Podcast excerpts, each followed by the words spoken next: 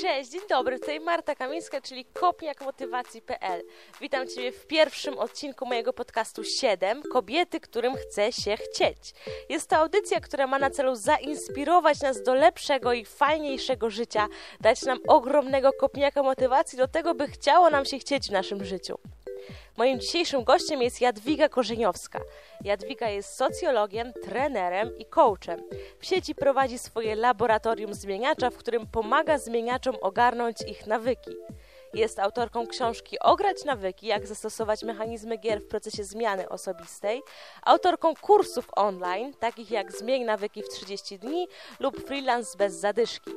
Jest prawdziwą ekspertką w dziedzinie nawyków, motywacji i pracy na freelancie. Dlatego na maksa się cieszę, że Jadwiga zechciała wziąć udział w pierwszym odcinku podcastu, dzieląc się z nami swoją wiedzą i doświadczeniem.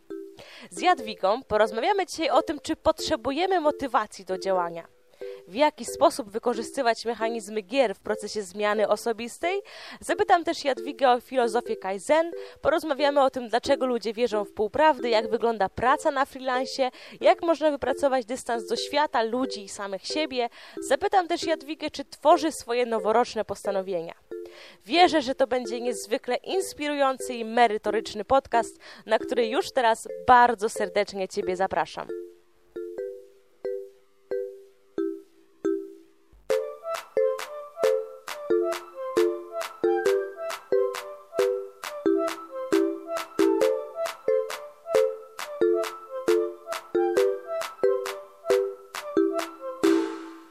Jadwigo. Cześć Marto. Słuchaj, bardzo się cieszę, że, że dzisiaj bierzesz udział w podcaście.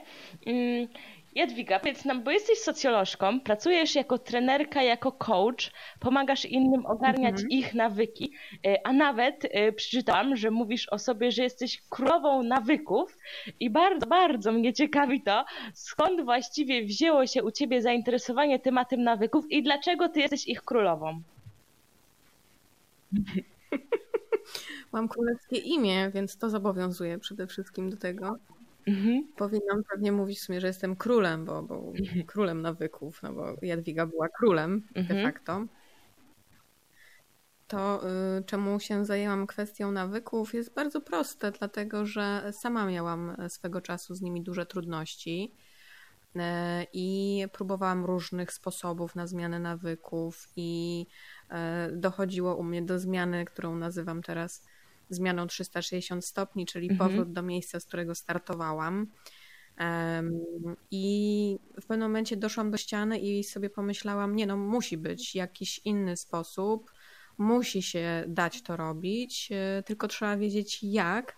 I wtedy się zaczęłam tym interesować tak na poważnie, mm, najpierw tylko dla siebie, E, ze względu na swoje nawyki, a potem okazało się, że, że tym swobodnie można dzielić się z innymi, bo jest to temat, z którym trudność ma wiele osób, a nie tylko ja jedna. A właśnie, myślę sobie, że właśnie każdy z nas gdzieś tam y, ma trudności z, z nawykami i, i mimo, że często się staramy robić coś właśnie dobrze, to nie zawsze nam to wychodzi. Y, ale kiedy to było mhm. tak mniej więcej, pamiętasz może rok albo, y, no nie, nie pytam o konkretną datę, ale pytam dlatego, że, mhm. że jestem bardzo ciekawa, ile już lat się zajmujesz w ogóle tematem nawyków? W tematykę nawyków i motywacji myślę, że weszłam jakieś 8 lat temu mniej więcej. Mhm. Czyli już y, prawie dekada, 8 y, lat królowania. To całkiem dużo. Mm, fajnie. A twoja książka, którą czytałam, ja czytałam ją w lipcu 2018 roku, kiedy ja bardzo zaczęłam mhm. interesować się gdzieś tam nawykami.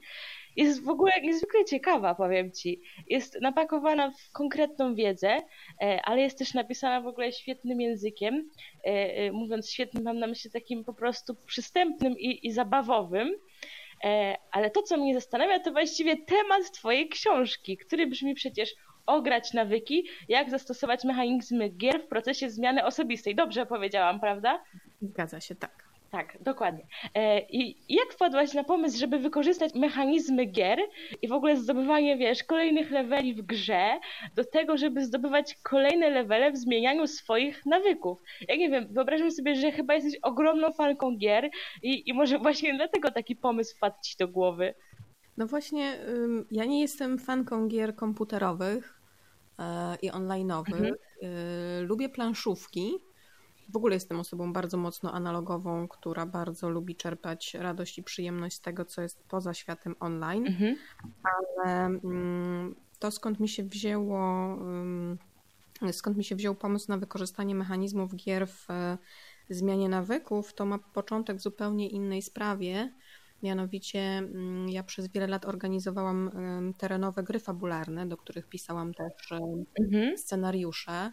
Więc można powiedzieć, że to było takie RPG w realu, e, bo każda gra miała swój scenariusz, wszystkie zadania były też osadzone jakby w fabule, więc na przykład mogła być gra terenowa w konwencji służb specjalnych, Alicji w Krainie Czarów, e, Władcy Pierścieni, bardzo różna mhm. była ta tematyka. Mm, I, I gdzieś jakby zderzyły mi się kulki w głowie, gdy pomyślałam sobie, że przecież można by było wykorzystać taki element zabawowy do tego, żeby pobudzić ekscytację mm, i zaangażowanie, a dzięki temu mhm. motywację do zmiany nawyków. I zaczęłam kombinować, jak to, jak to można zrobić. Więc najpierw jakby eksperymentowałam na sobie, e, później e, pracując ze zmieniaczami, czyli, czyli z osobami, które przychodzą do mnie do laboratorium zmieniacza i chcą zmienić mhm. moim udziale swoje nawyki. I, z jakich doświadczeń um, powstał pomysł na, na książkę, żeby się tym podzielić szerzej. A, czyli najpierw, y, y, najpierw, było, najpierw były gry RPG w realu, y, czyli gry terenowe, później y, laboratorium zmieniacza i właśnie to, to gdzieś tam te osoby też Ciebie zainspirowały do tego, żeby y, wykorzystać to, to co właśnie tworzyłaś y, i przelać to na papier. Mhm, zgadza się. Świetne. To naprawdę bardzo się cieszę, że te osoby do Ciebie przychodziły, bo, bo dzięki temu ja też mogłam przeczytać Twoją książkę. No i właśnie, no i kiedy czytałam Twoją książkę dwa lata temu, to pierwszy raz zetknęłam się z czymś takim, yy, że warto nasz duży cel który stanowi dla nas jakieś tam wyzwanie, pokroić na mniejsze cele, na mniejsze kawałeczki. I od tamtego czasu ja jestem ogromną fanką mikrokroków i w ogóle filozofii Kaizen. E, I tak sobie myślę, mogłabyś nam opowiedzieć mhm. teraz coś więcej o filozofii Kaizen i o tym, dlaczego jest ona aż tak skuteczna? O, w ogóle jest, bo, bo może to tylko jest gdzieś tam mhm. moje wrażenie, a może fakty są inne. E, filozofia Kaizen jest um, uważana za Mm, za jedną ze skuteczniejszych rzeczywiście mm, takich metod zmiany nawyków czy osiągania celów, zwłaszcza tych, które są takimi zuchwałymi celami, bardzo opasłymi, które nas przerażają. Mm, dlatego, że ona pozwala obejść e, tak zwany wewnętrzny system alarmowy. Mhm. E, żeby do tego dojść, no to rzeczywiście wypadałoby pokrótce powiedzieć, o co, o co w tej metodzie mm, chodzi. Jakby propagatorem wykorzystania filozofii Kaizen w, w procesie zmiany osobistej jest dr Robert Maurer, zresztą popełnił mhm. taką kilka nawet książek, ale taka jakby pierwszym krokiem jest filozofia Kaizen, malutka, cieniutka książeczka, mhm. która stanowi wprowadzenie w ogóle do tej tematyki. Dlatego, że sama filozofia Kaizen tak naprawdę została wprowadzona mm, jako element y, zarządzania i wprowadzania usprawnień w firmach. I Maurer stwierdził, skoro to działa w firmach jako powiedzmy usprawnianie różnego rodzaju procesów, to dlaczego miałoby nie zadziałać, kiedy chcemy osiągnąć cele jako, jako jednostki, jako osoby prywatne? Mhm. I on zaczął jakby wprowadzać to w czyn i pracować rzeczywiście w ten sposób ze swoimi pacjentami. A podwaliny jakby filozofii Kaizen to jest taka, takie pokładanie nadziei w tym, że skoro duży cel nas przeraża, to być może gdy rozbijemy go na szereg bardzo małych kroków, takich wręcz dziecinnie prostych, takich, gdzie kiedy słyszymy, co trzeba zrobić, to wręcz się z tego śmiejemy mhm. i stwierdzamy, nie, no przecież to jest kuriozalne. To, to każdy by to zrobił. Mm, Maurer mówi, no to może właśnie to jest inny, lepszy sposób niż taka zmiana radykalna z dnia na dzień. Czyli on mówi, zamiast na przykład e, powiedzieć sobie od jutra nie używam cukru, to powiedzieć sobie od jutra e, będę trochę z łyżeczki e, cukru, którą wsypuję do herbaty, sypywać trochę ziarenek z powrotem do cukiernicy, a potem stopniowo będę tych ziarenek mhm. coraz więcej sypywać do cukiernicy, więc będę coraz mniej słodzić. I to jest e, dla wielu osób rzeczywiście dużo skuteczniejszy sposób na mm, osiąganie czy celów długoterminowych, czy zmiany nawyków, ponieważ e, po pierwsze te małe kroki budują nasze zaangażowanie, pokazują nam, że możemy być skuteczni i działać efektywnie, więc mamy też jakby po drodze okazję do świętowania mm, niezliczonej liczby sukcesów. Jest to trudne z drugiej strony, dlatego że ten efekt końcowy jest e, dosyć odroczony. Bo jeżeli mówimy o takim radykalnym cięciu, czyli ja stwierdzam od jutra nie słodzę, mhm. to teoretycznie mam efekt już jutro, gdy faktycznie przestaję słodzić. I jeżeli tylko to utrzymam, no to rzeczywiście mam taki bardzo spektakularny efekt od razu osiągnięty.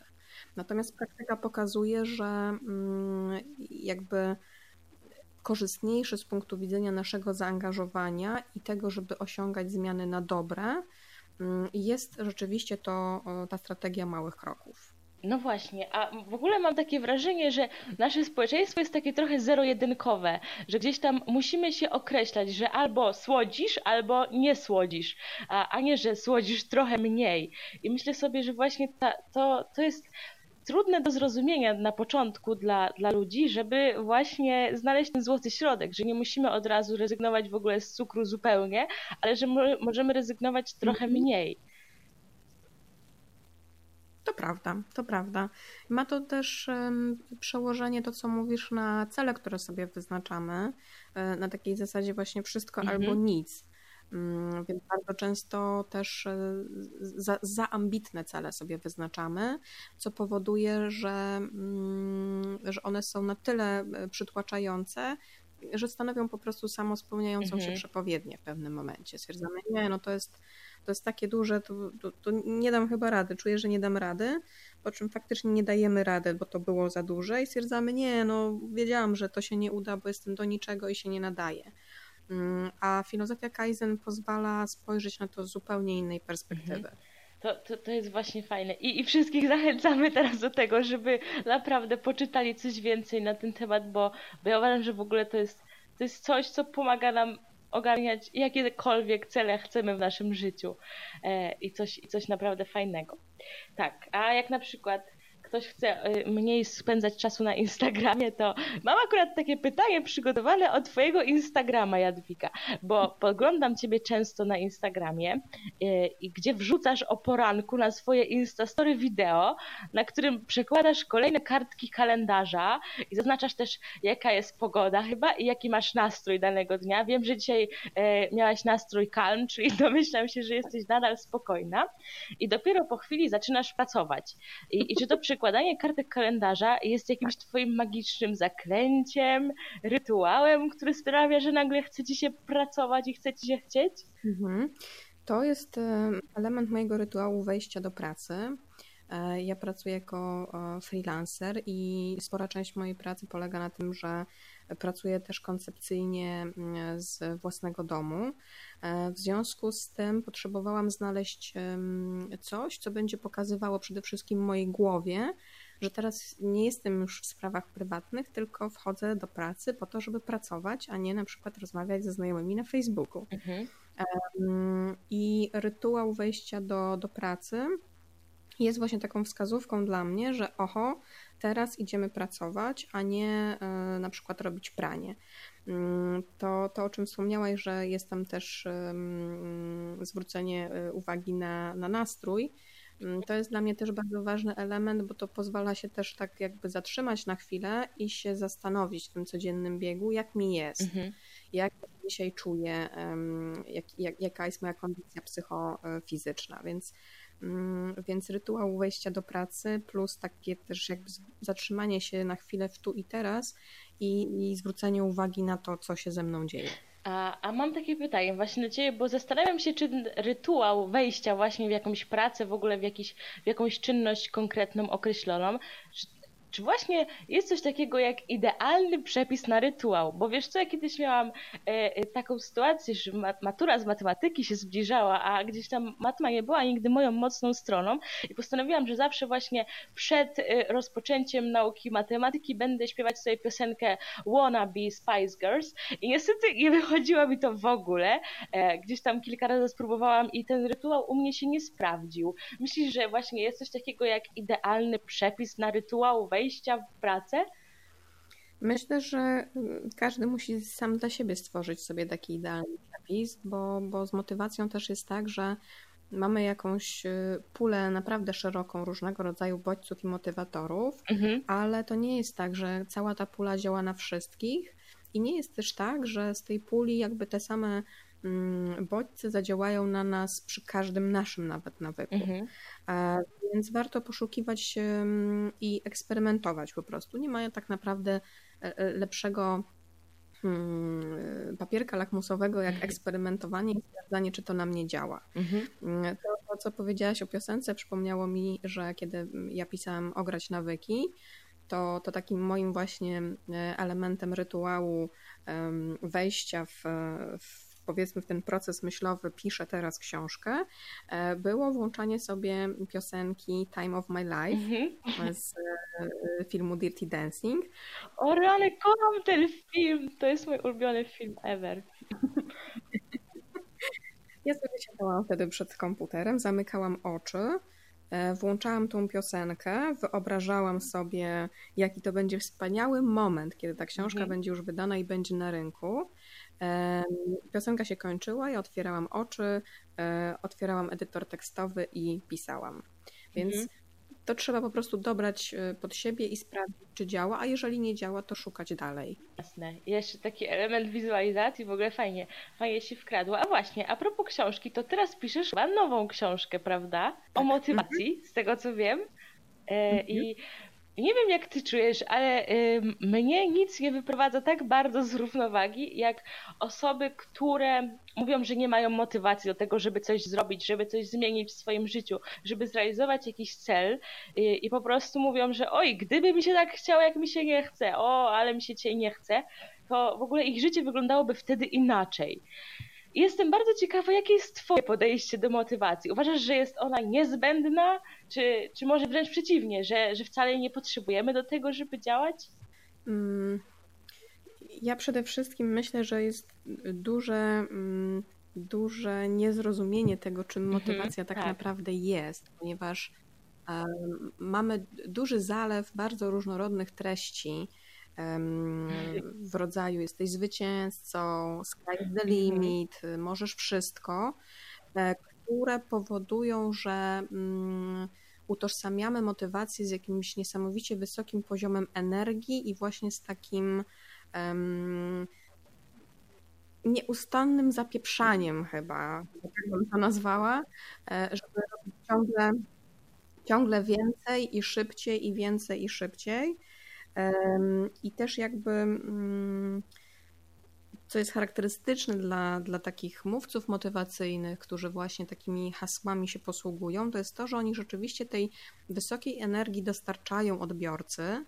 Mm, tyle, że poza tą wysoką energią i takim poczuciem mm. yes I can, które trwa dosyć krótko, nie ma nic więcej. A mm, tak naprawdę motywacja jest stanem, a to oznacza, że my potrzebujemy wiedzieć, jak ją w sobie pobudzać i jak ją utrzymywać na optymalnym poziomie, bo też nie sztuką jest to, żeby być e, jakby cały czas na wysokim C, bo można się w ten sposób bardzo łatwo wypalić. Trzeba wiedzieć, kiedy jest ten mój optymalny poziom, który jest dla mnie ok, do tego, żeby wejść w działanie, kontynuować je i dowieść sprawy do końca. Dlatego mm, mhm. ja stoję na stanowisku, że motywacja jest potrzebna i jest e, siłą napędową wszelkiego rodzaju działań. Mm, tyle, że jest opacznie bardzo często rozumiana e, jako właśnie coś, co stoi w opozycji do nie chce mi się. Mhm. Motywacja to bardzo często wcale nie jest chce mi się, ale to jest jakby szereg różnych bodźców, które powodują, że nawet jeżeli mi się nie chce, to ja to zrobię, bo na przykład stoi za tym tak istotna dla mnie wartość, którą ja chcę realizować, że nawet jak mi się nie chce, to ja będę to robić. Mhm.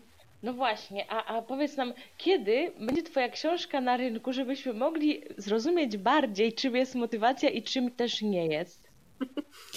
Ta książka jest, jest w toku tworzenia, mhm. więc ona będzie na rynku na wiosnę przyszłego roku. O, świetnie. Czyli na wiosnę już będziemy wiedzieć, czym jest motywacja, czym nie jest i jak możemy y, ogarniać gdzieś tam fajne życie. To będzie taka książka też z troszeczkę innym podejściem niż to, które myślę teraz króluje mm, mhm. na, na rynku, ponieważ to będzie też taka książka mówiąca trochę o e, odporności psychicznej i o tym, jak odporność psychiczna wiąże się z motywacją. Będzie też o mm, samowspółczuciu i o tym, żeby właśnie nie cisnąć siebie do granic możliwości, mhm. bo, bo nie tędy po prostu jest droga. Także myślę, że to będzie tak troszeczkę szło w pod prąd temu, co, e, co w tej chwili jest modne i co jest propagowane. I mam nadzieję, że to pod prąd kiedyś zamieni się z prądem i, i właśnie gdzieś tam wszyscy e, zaczniemy w taki sposób myśleć o motywacji. Mm, Jadwigo, jesteś też socjologiem e, i bardzo chcę się dowiedzieć, jak z punktu widzenia, e, jak ciebie jako socjologia, e, wygląda to, że ludzie wierzą w półprawdy. Istnieje taka półprawda, takie przekonanie wśród ludzi, że e, wytworzenie nawyki, nawyku może się zadziałać, zadziać 21 dni. Ja w ogóle czytałam kiedyś, że to wzięło się stąd, że chirurg zaobserwował, że jego pacjenci po amputacji kończyn potrzebowali mniej więcej 21 dni, żeby przyzwyczaić się do nowej sytuacji i gdzieś tam to zostało tak spopularyzowane, uogólnione, że teraz wszyscy myślimy, że 21 dni coś będę robić i po prostu już do końca życia mam nawyk ścielenia łóżka, picia wody i tak dalej. Jak wygląda to właśnie z punktu widzenia socjologa, że ludzie wierzą w półprawdy? Mhm. Że przede wszystkim tak, taka myśl o tym, że wystarczą mi trzy tygodnie, żeby e, zmienić nawyki, e, budzi tak taką chęć spróbowania, no bo mhm. trzy tygodnie w, w skali życia, no to w sumie nie jest długi czas. Więc to jest bardzo wygodne dla nas półprawda, bo jeżeli mielibyśmy się zmierzyć z myślą, że żeby zmienić e, ten nawyk, ja potrzebuję przez rok na przykład być w tym procesie, no to to jest takie wow, wow, wow, cały rok, no to, to nie, to może to się tak bardzo mm, w takim razie nie opłaca. Mm, wierzymy w półprawdy, bo one przynoszą nam proste rozwiązania. Mm, przynoszą nam takie rozwiązania, których sami oczekujemy. To jest jakby jedna rzecz. Druga rzecz jest taka, że e, Jesteśmy w tej chwili tak bombardowani informacjami i dostęp do informacji stał się tak niesamowicie prosty, próg stania się ekspertem e, mhm. w internecie jest również bardzo niski. E, praktycznie wystarczy ci, nie wiem, strona internetowa, jeden albo dwa kanały w social mediach. Mm. Najlepiej kurs online już do sprzedania. Kurs online do sprzedania, na przykład o tym, co właśnie sama przepracowujesz na sobie, więc tak. jesteś ekspertem. Tak. I to powoduje, że no, ciężko jest przesiać to wszystko, mhm. przefiltrować I polegamy też w dużej mierze na społecznym dowodzie słuszności, czyli szukamy też jakby potwierdzenia y, przez innych, żeby oni nam powiedzieli, tak, tutaj możesz zaufać temu ekspertowi. Mhm. A jest jakby wiele osób, które współpracują. Ja też zresztą współpracuję z różnymi osobami, kiedy jakieś swoje projekty, pro, produkty sprzedaję, na przykład kursy mhm. online'owe, to również współpracuję z osobami, które na przykład były moimi klientami wcześniej e, i, i proszę je, żeby, jeżeli mają taką możliwość i chęć, mhm. wspomniały coś o tym, że teraz można się zapisać na kurs to jest y, też y, rodzaj motywacji społecznej, kiedy słyszymy, że inni ludzie mówią, tak, to jest warte zainwestowania pieniędzy, tak, to jest warte, żeby pójść i skorzystać z tego, mhm. to jakby daje nam taką dodatkową informację, że aha, czyli to może rzeczywiście jest ekspert, może rzeczywiście warto um, zaufać, ale problem jest wtedy, kiedy jakby ta siła informacji społecznych jest, nie wiem, um, niekoniecznie zgodna z prawdą, mhm. E, a właśnie sprzedaje nam jakąś półprawdę, która jest wygodna i chcielibyśmy w to bardzo wierzyć. I może się zdarzyć tak, że w zalewie tego wszystkiego pójdziemy po prostu za czymś, co wydaje się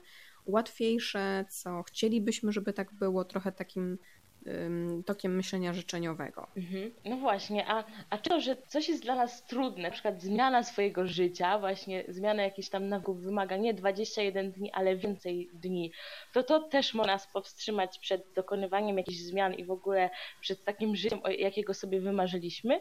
Myślę, że myślę, że tak.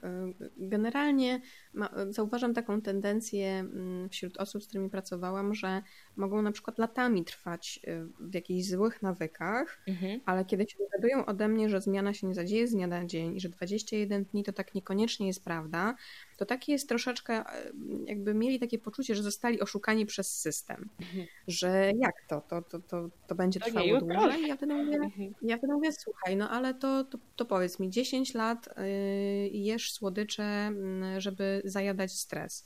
To, to jak myślisz, ile twój mózg potrzebuje czasu, żeby się przestawić na nowe tory mhm. myślenia?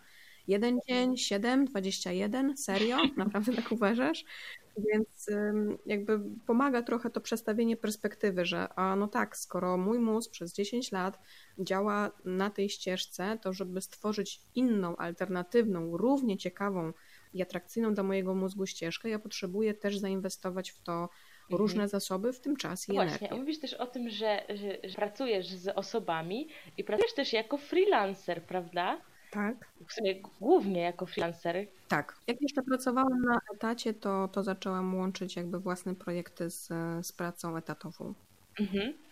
E, I to była dla Ciebie przemyślana decyzja, czy to spontaniczna? Może miałeś gorszy dzień właśnie w tej pracy na etacie, myślisz, a koniec, o przechodzę na freelancera, na, na bycie freelancerem, czy, czy jak to było?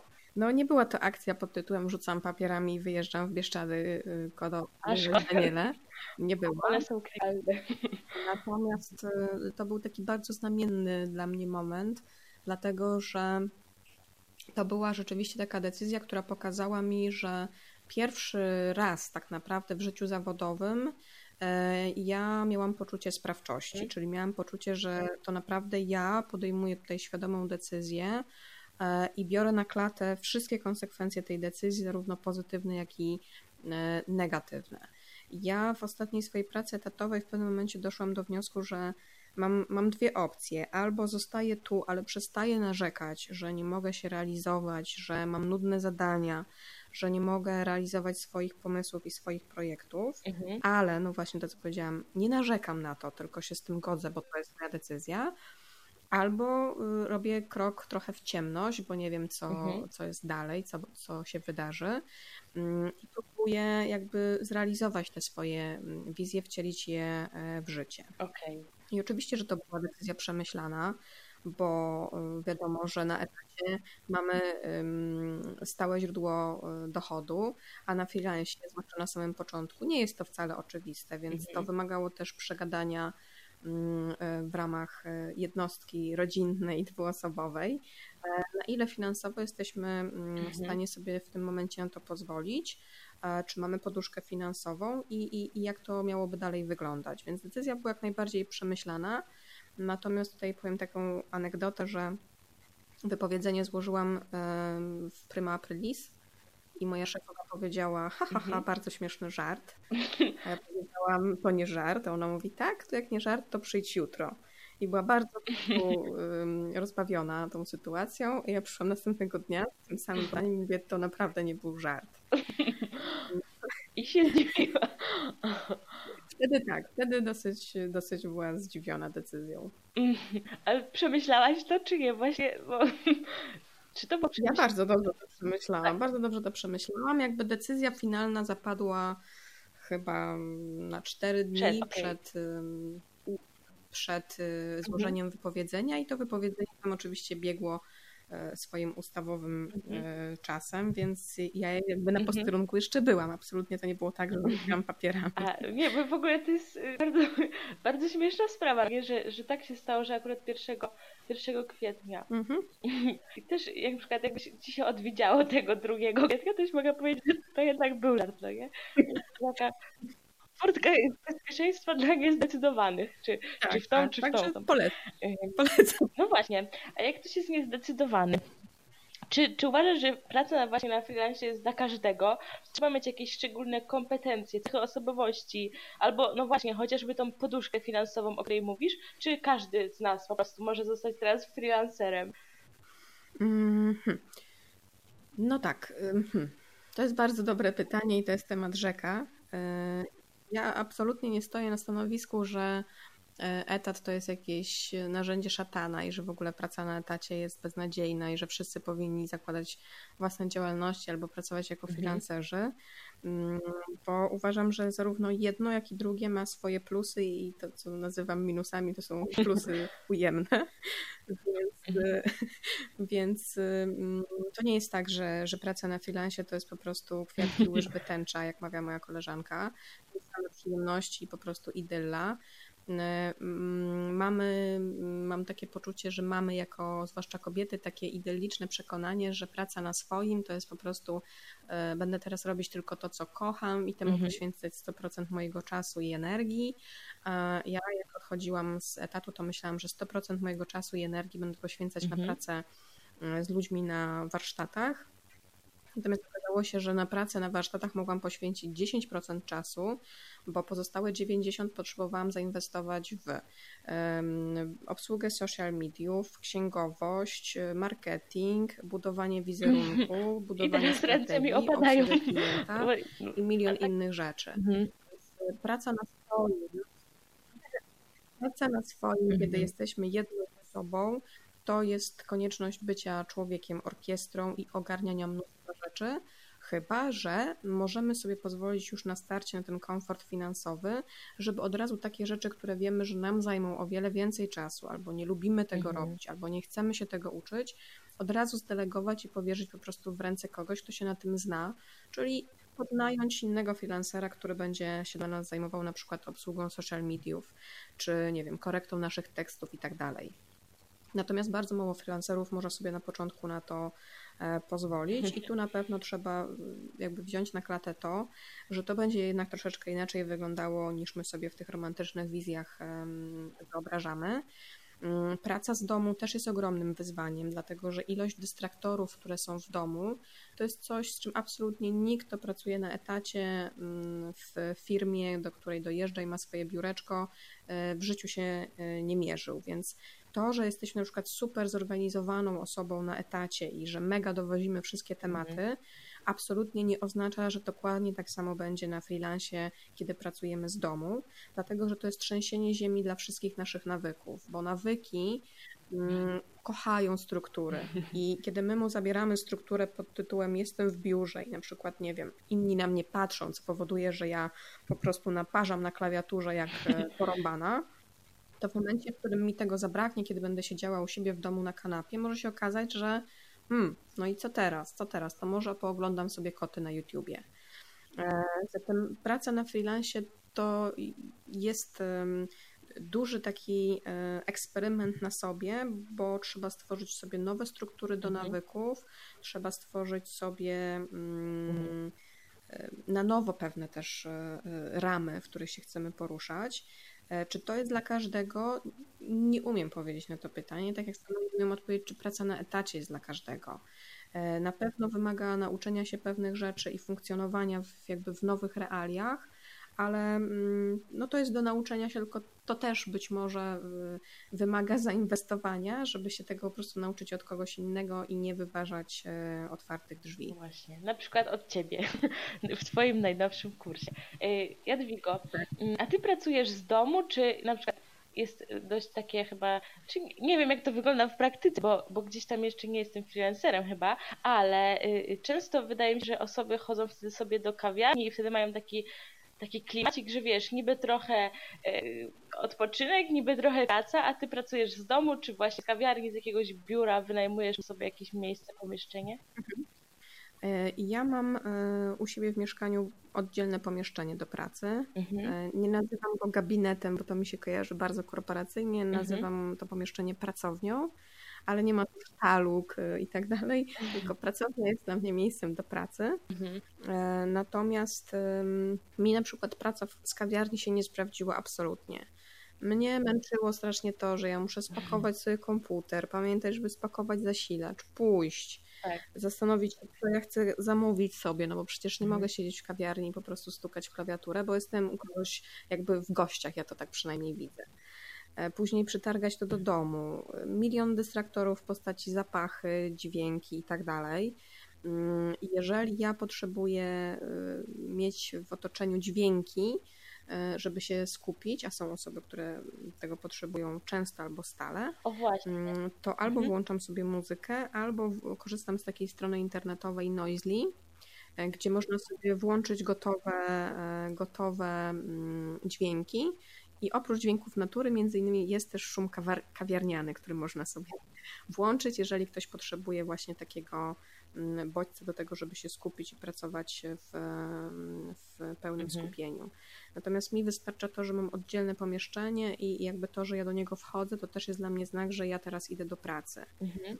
Więc, e, więc to jest dla mnie bardzo ważne, żeby mieć tę przestrzeń do pracy zdefiniowaną, powiedzmy. Natomiast ja jeszcze trzy lata temu miałam jakby całą, całą przestrzeń życiową, mieszkalną do, do życia i do pracy. Mhm. E, wynosiła ona 11 metrów kwadratowych, więc jak ktoś mi mówi, że nie ma miejsca, żeby sobie wydzielić na pracę, bo ma bardzo tutaj mało przestrzeni, to ja mówię tak, a wyobraź sobie, że ja na 11 metrach mhm. byłam w stanie postawić sobie granicę, gdzie jest miejsce do pracy, a gdzie jest miejsce do odpoczynku. Więc to się da, da zrobić jak najbardziej, tylko trzeba chcieć i tak jak już mówiłam wcześniej, trzeba poeksperymentować i posprawdzać, co, mm, co u mnie działa. Mhm. Jasne, właśnie to trzeba naprawdę, to musi być decyzja przemyślana, bo z tego co mówisz, to trzeba jakby nadać nowe struktury w ogóle swoim nawykom, temu, gdzie chcemy pracować, czy nawet co chcemy mieć w ogóle, wiesz, jakie dźwięki chcemy, żeby nas wtedy otaczały. Ale jest jeszcze jedna ważna rzecz, taki mocno teraz popularny, czyli work-life balance. E, jak ty się odnajdujesz w ogóle z, z, mhm. z zagadnieniem, bo, bo pracujesz jako freelancerka ze świetnymi efektami, przecież książki, organizujesz konferencje, kursy online, a, a ogarniasz jeszcze mnóstwo innych projektów. I gdzie znajdujesz w tym wszystkim czas właśnie na odpoczynek? Mhm.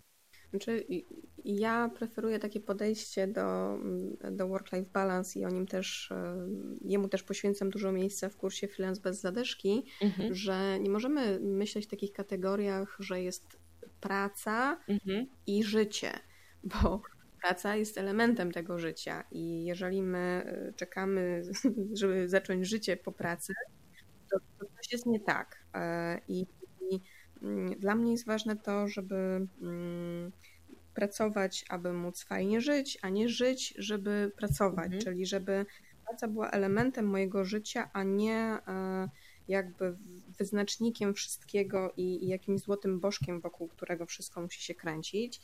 Więc ja przewrotnie na przykład, y, jak y, zbliża się kolejny rok, to pierwsze, co wpisuję do kalendarza, to są urlopy. Y, urlopy, dni wolne. Kombinuję zawsze tak, żeby wykorzystać e, te momenty, kiedy e, jakiś ustawowy dzień wolny wyskakuje w środku tygodnia i żeby wokół niego zbudować sobie też jakiś dłuższy urlop, mm, bo mam takie poczucie, że e, jeżeli my nie traktujemy też odpoczynku w kategoriach takich, jak traktujemy, nie wiem, spotkanie z klientem albo E, sprzedaż e, swojego produktu, czyli nie traktujemy tego w kategoriach zadania do wykonania, to jest spychane na dalszy plan. Dlatego ja e, uwzględniam, wpisuję sobie mm, swoje plany związane z urlopami i dniami wolnymi i jakby wokół nich tkam swoje plany zawodowe, a nie odwrotnie. Mhm. Dla mnie bardzo ważne jest też to, żeby odpoczywać od tego, co stanowi mm, jakby co zabiera może, czy, czy, czy jest największą inwestycją, jeżeli chodzi o moją pracę, a u mnie jest to zdecydowanie bycie um, online. Więc e, ja weekendy poświęcam na detoks od bycia online, czyli nie włączam sobie e, satelitków, jak to, jak to lubię ujmować. I dla mnie urlopy to też jest czas, kiedy ja nie jestem online. I dla mnie takie mówienie, mm, ja nie mogę sobie pozwolić na bycie offline, bo co z moją społecznością? Co z zasięgami? Tak, co z moją społecznością, co z moimi zasięgami, przecież to cała moja praca pójdzie po prostu w błoto. Mm, to dla mnie jest takie myślenie bardzo krótkofalowe, dlatego tak. że jak nie ładujemy baterii, to po prostu dojdzie w pewnym momencie do, do wypalenia. I to jest też takie znamienne, że jak nam pada bateria w iPhone'ie, czy w innym smartfonie, to lecimy po prostu mhm. gwałtu rety, y, gdzie jest ładowarka, bo trzeba natychmiast podładować. Ale jak my się zajeżdżamy i czujemy, i nawet organizm nam już daje znać, że jest źle, mhm. E, i daje nam na przykład znać w taki sposób, że się pojawia osłabienie fizyczne, że na przykład się podziębiamy nagle. I to jest taki sygnał do organizmu, mhm. stara, stary zwolnij, bo zajeżdżasz się w tym momencie, a ja już jestem na, na ostatku. Tak samo jest z samochodem, tak? Pojawia się kontrolka, pusty bak, to jedziemy na stację benzynową, a nie stwierdzamy, dobra, dobra, jeszcze tylko tych parę dni, pojeżdżę na oparach mhm. i, i wtedy zatankuję. I dla mnie jest bardzo cenna taka, taka metafora mm, katastrofy lotniczej, gdzie jeżeli się rozbijasz e, w samolocie, to pierwsze co robisz, zanim zaczniesz mhm. ratować innych współpasażerów, to sprawdzasz, w jakim ty jesteś stanie. Bo jeżeli tobie coś dolega, to nie uratujesz nikogo innego i jeszcze się pożegnasz z życiem. Mhm. Więc dla mnie odpoczynek, relaks, ładowanie baterii, ale też taka uważność na to, w jakim ja jestem stanie psychofizycznym, ale nieważna, bo ja miałam też w pracy freelancerskiej taki moment, w którym doprowadziłam się do takiego stanu zajechania, że ja potrzebowałam wtedy trzech miesięcy, żeby dojść do siebie, e, żeby regenerować, więc ja wolę dawać sobie ten czas codziennie, e, niż później się zajechać do takiego stopnia, że będę potrzebowała kwartału, żeby do siebie dojść. Jasne, że tak. Właśnie, bo mamy taką kulturę też, że jak ktoś ciśnie na maksa i w ogóle jak ktoś nie ciśnie, to mówimy mu dawaj stary, ciśnij bardziej, ciśnij dalej, ciśnij więcej. A, a właśnie y, nie, nie mówimy wtedy odpuść sobie, nie? Po prostu, jakby nie musisz na 200%, możesz, możesz na 90% i to też będzie, to też będzie dobrze. Mamy, mamy ogromny kult sukcesu rozumiany jako E, naparzanie, czyli musisz po prostu cały czas coś robić, być w ruchu, robić więcej, robić szybciej, a jak osiągniesz to, to natychmiast musisz sobie podnieść poprzeczkę i jechać dalej. I to jest jakby mm, społecznie akceptowane i tak społecznie widziane jako dobry model. To też jakby możemy y, łatwo sobie zobaczyć, jak odpalamy czy Instagrama, czy Facebooka. No mamy po prostu zalew uśmiechniętych, zadowolonych y, z życia ludzi, którzy zawsze są na pełnych obrotach, stają o czwartej, e, ćwiczą jogę, piją zielony koktajl, zawsze chce im się pracować i osiągają wyłącznie sukcesy. I my na to patrzymy i stwierdzamy, kurde, ale mi się nie chce, nie cierpię jarmużu, a w ogóle yoga to przysypia mhm. I czy to znaczy, że ja jestem e, przegrywem, czy to znaczy, że ja nie osiągnę nigdy sukcesu, czy to znaczy, że jestem jakimś gorszym człowiekiem? Więc też jakby się wpędzamy w takie poczucie winy, że kurczę, skoro inni budują w tym czasie imperium, a ja leżę i czytam książkę, to czy ja jestem ok? Czy ja może też powinnam teraz budować swoje imperium? Mhm. No właśnie. Tak, to, to jest w ogóle coś, co y, jest mi po prostu bliskie, dlatego że ja czuję często na sobie sama taką presję, którą wywieram patrząc właśnie na osoby na Instagramie, które dzisiaj już tam, wiesz, zrobiły 500 rzeczy, a ja jeszcze nie odhaczyłam ani jednej z mojej listy i, i wtedy czuję, że kurczę, że coś jest ze mną nie tak, e, ale masz rację, często warto się po prostu łapać na takich momentach i nie dawać sobie e, gdzieś tam dojść do głowy, że, że coś z nami jest nie tak, bo, mhm. bo to, że nam się czasem nie chce jest, jest też okej. Okay. Mm, ale też, Jadwigo, jesteś ekspertką w dziedzinie nawyków, w dziedzinie w ogóle wprowadzania zmian i ja pamiętam, jak, w ogóle trochę brzmi jak twoja psychopanka, wydaje mi się, ale y, słuchaj dalej zatem. Y, pamiętam, jak o, kiedyś oglądałam twoje wystąpienie w pytaniu na śniadanie, które dotyczyło właśnie, właśnie wprowadzania nawyków, wprowadzania zmian w swoje życie. I pamiętam coś jeszcze z tego wystąpienia, że założyłaś na to wystąpienie koszulę fandy. Tak. Czy ja dobrze pamiętam to? To jest moja ulubiona koszula, mam ją na dół. Tak. Tak, nawet. E, wydaje mi się, że masz ogromny dystans do siebie, do świata, w ogóle do ludzi. I powiedz, jak to wypracowałaś i w ogóle jak, jak można coś takiego w sobie wypracować? Hmm. Że ja może powiem tak, że ja, ja byłam bardzo poważnym dzieckiem. Mhm. Ja naprawdę byłam bardzo poważnym dzieckiem. Jest taki cytat słowa Marka Konrada, które on wypowiedział w, w jednym z wywiadów. On powiedział o sobie, byłem dzieckiem piernikiem, byłem e, późnym dzieckiem starych rodziców i e, po prostu się zachowywałem jak mały dorosły. I ja bardzo, e, bardzo odnajduję siebie w tych słowach, bo ja też byłam mm, późnym dzieckiem starych rodziców znaczy jakbym się urodziła teraz, to byłabym absolutnie w modelu, dlatego że moi rodzice dobiegali 40, kiedy ja się mhm. urodziłam, ale to były lata 80., więc wtedy standard był inny. Um, więc, więc jak mama mnie odbierała ze szkoły, to dostawałam informację, babcia po ciebie przyszła. Mhm. A teraz jakby moja mama po mnie przyszła do szkoły, to byłoby to normalne, że to jest moja mama koło 40 mhm. czy tam koło 50, jak mnie odbiera ze szkoły i to jest luz. W każdym razie ja byłam bardzo poważnym dzieckiem, bardzo zdyscyplinowanym i, i w ogóle takim wchodzącym w rolę dorosłego bardzo często. Mm, I, I, gdzieś w pewnym momencie życia ja się poczułam chyba trochę oszukana. że, y, że te lata, kiedy można było wisieć głową w mhm. dół z trzepaka y, i, i nikt nie robił afery, to już minęły, bo teraz jak wiszę głową z trzepaka, to ludzie patrzą dziwnie i zastanawiają się, czy trzeba dzwonić po karetkę. I gdzieś poczułam trochę oszukana, że mm, ten czas, który powinien być przeznaczony na dobrą zabawę, e, ja traktowałam bardzo serio, że czas, y, który, y, w którym warto byłoby eksplorować ten świat, bo można to było robić pod tą kopułką jeszcze, mm, gdzie ci dorośli y, chuchają i, i dmuchają na ciebie i sprawdzają, czy się nie dzieje nic złego, że ja przez ten czas się na przykład uczyłam. Mhm. I wiesz, miałam takie, takie poczucie, że system mnie oszukał, nie? Bo, bo można było się uczyć gorzej i też sobie fajnie poradzić w życiu, a jednocześnie mieć dobrą zabawę. I mm, to był dla mnie taki moment też trochę przełomowy w myśleniu o sobie, że, że może to nie jest takie dobre traktować siebie tak serio mhm. i w ogóle życie tak serio, bo yy, jutro mogę wpaść pod tramwaj i, i mogę na przykład tego nie przeżyć, nie? Albo y, jutro może się okazać, że już, że już nie mogę się mm, obudzić obok mhm. kogoś, kogo kocham. Więc y, dlaczego traktować to wszystko tak serio w kategorii y, robienia pod linijkę, mm, jakiegoś silenia się na niesamowicie jakieś wysokie standardy? Czy nie lepiej jednak troszeczkę się zdystansować od tego wszystkiego? Bo wydaje mi się, że taki dystans do siebie, do świata, do życia mm, wprowadza taką lekkość, żeby, żeby sobie właśnie pomyśleć, o Boże, to w takim razie życie nie ma sensu, tak? Bo skoro jutro mogę pójść po tramwaj, to po co w ogóle się starać, nie? I kiedy sobie, kiedy sobie wprowadziłam taki dystans, ja to nazywam mentalne luźne portki mhm.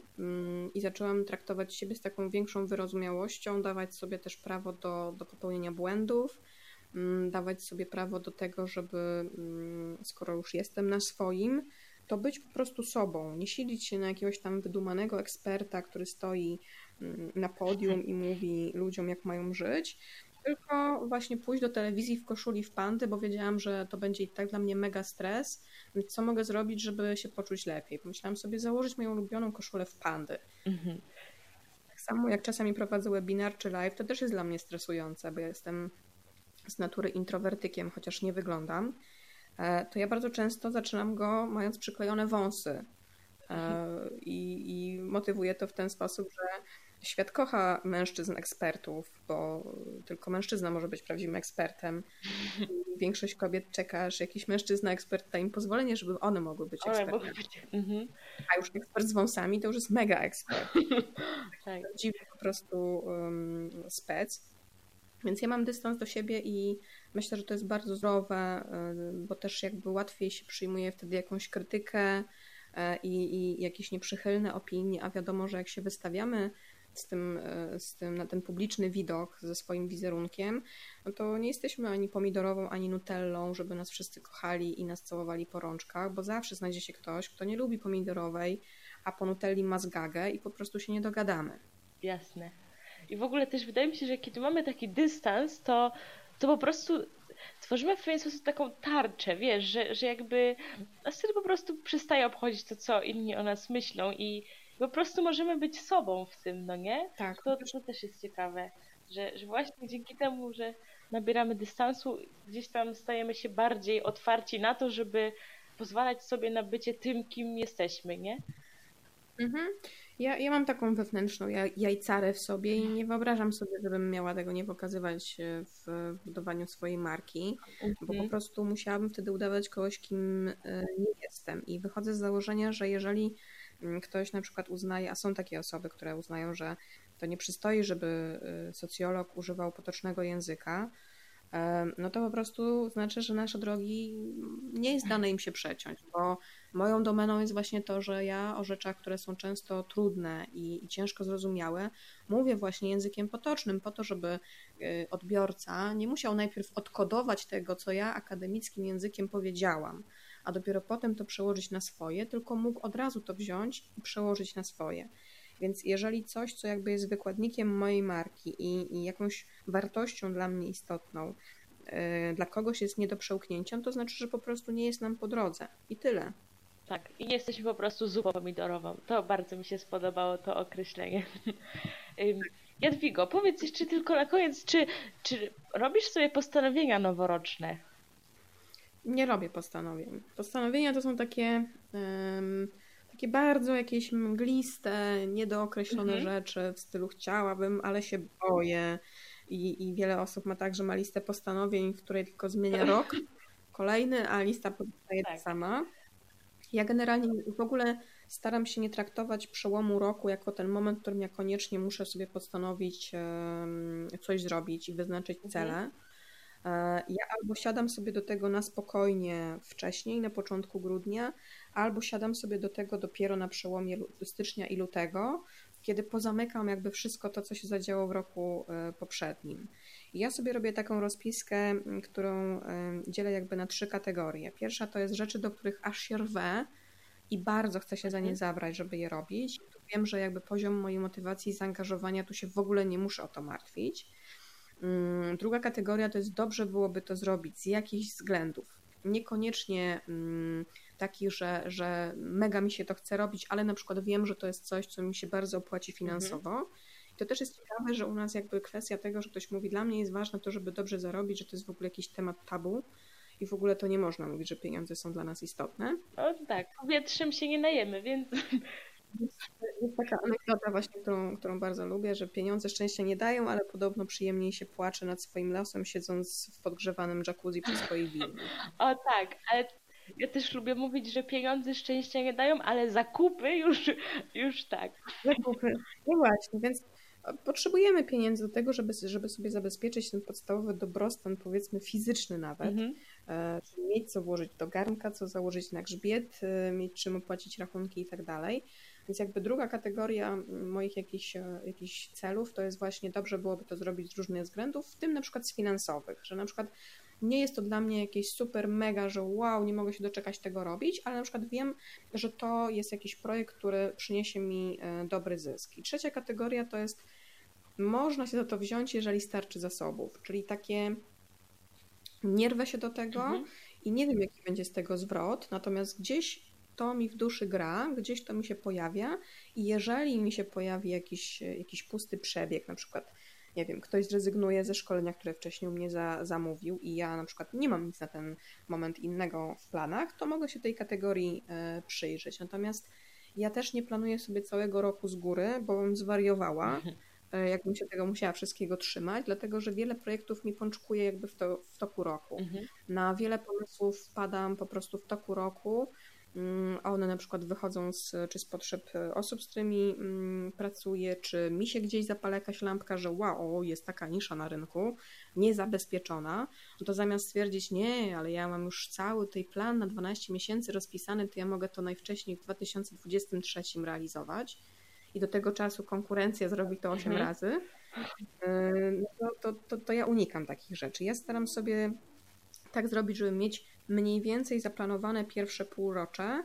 ale też jakby z buforami czasowymi, czyli mm, z tą tolerancją, że jak planuję, to może się zadziać czynnik życie. Dość istotny czynnik. Rozchoruję się na anginę i będę miesiąc leżeć w łóżku, tak? I, i wypadnę kompletnie z obiegu. Więc y, na pewno nie, nie planuję sobie podkorek y, całego roku, zostawiam sobie bufory czasowe przy każdym projekcie, nad, nad którym pracuję i Um, nie, nie narzucam sobie też tego, że na przełomie roku koniecznie już muszę wiedzieć, co przez kolejnych 12 miesięcy będę robić.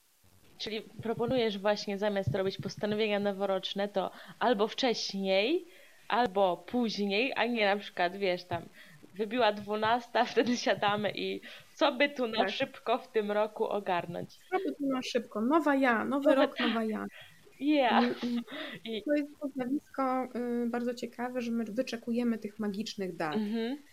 Pierwszy dzień miesiąca, pierwszy poniedziałek, tak. y, przełom roku, moje okrągłe urodziny, mm-hmm. a w końcu okazuje się, że odbieramy po prostu złe wyniki od lekarza i to jest ten magiczny moment, bo nie ma odwrotu. Mm-hmm. Więc, więc ja jestem zwolenniczką tego, żeby nie czekać na takie magiczne momenty, tylko po prostu z tym, co mam, z tymi zasobami, które mam, co ja mogę zrobić w tym momencie, w którym jestem, gdzie widzę, że mam gotowość, żeby, żeby wejść w proces zmiany czy w, czy w realizację celu. Jasne, bo tu i teraz to jest najlepszy moment, żeby y, żyć życiem, o jakim marzymy. Dobra, to taki podcastu. Powiedz tylko jeszcze, gdzie można Ciebie znaleźć w internecie? Można mnie znaleźć jako laboratorium zmieniacza. Y, ostatnio jestem bardziej aktywna, tak jak powiedziałaś, na Instagramie. Mm, I myślę, że, że mm, to jest chyba tak, taki główny punkt i Facebook, i Laboratorium Zmieniacza na Instagramie, e, gdzie można się dowiadywać też na bieżąco o, o wszystkim, co się dzieje i co robię. I na Facebooku prowadzę też taką grupę o generalnie o ogarnianiu się w życiu e, zmieniacze. Jak się wpisze w wyszukiwarkę facebookową zmieniacze, to bardzo łatwo można do grupy trafić. Dziękuję Ci bardzo. Y, mam nadzieję, że wszyscy trafią tam, gdzie, tam, gdzie jest im dane trafić i, i mam nadzieję, że będziemy się słyszeć też niebawem. Ja również. Dziękuję jeszcze raz za zaproszenie. Trzymaj się.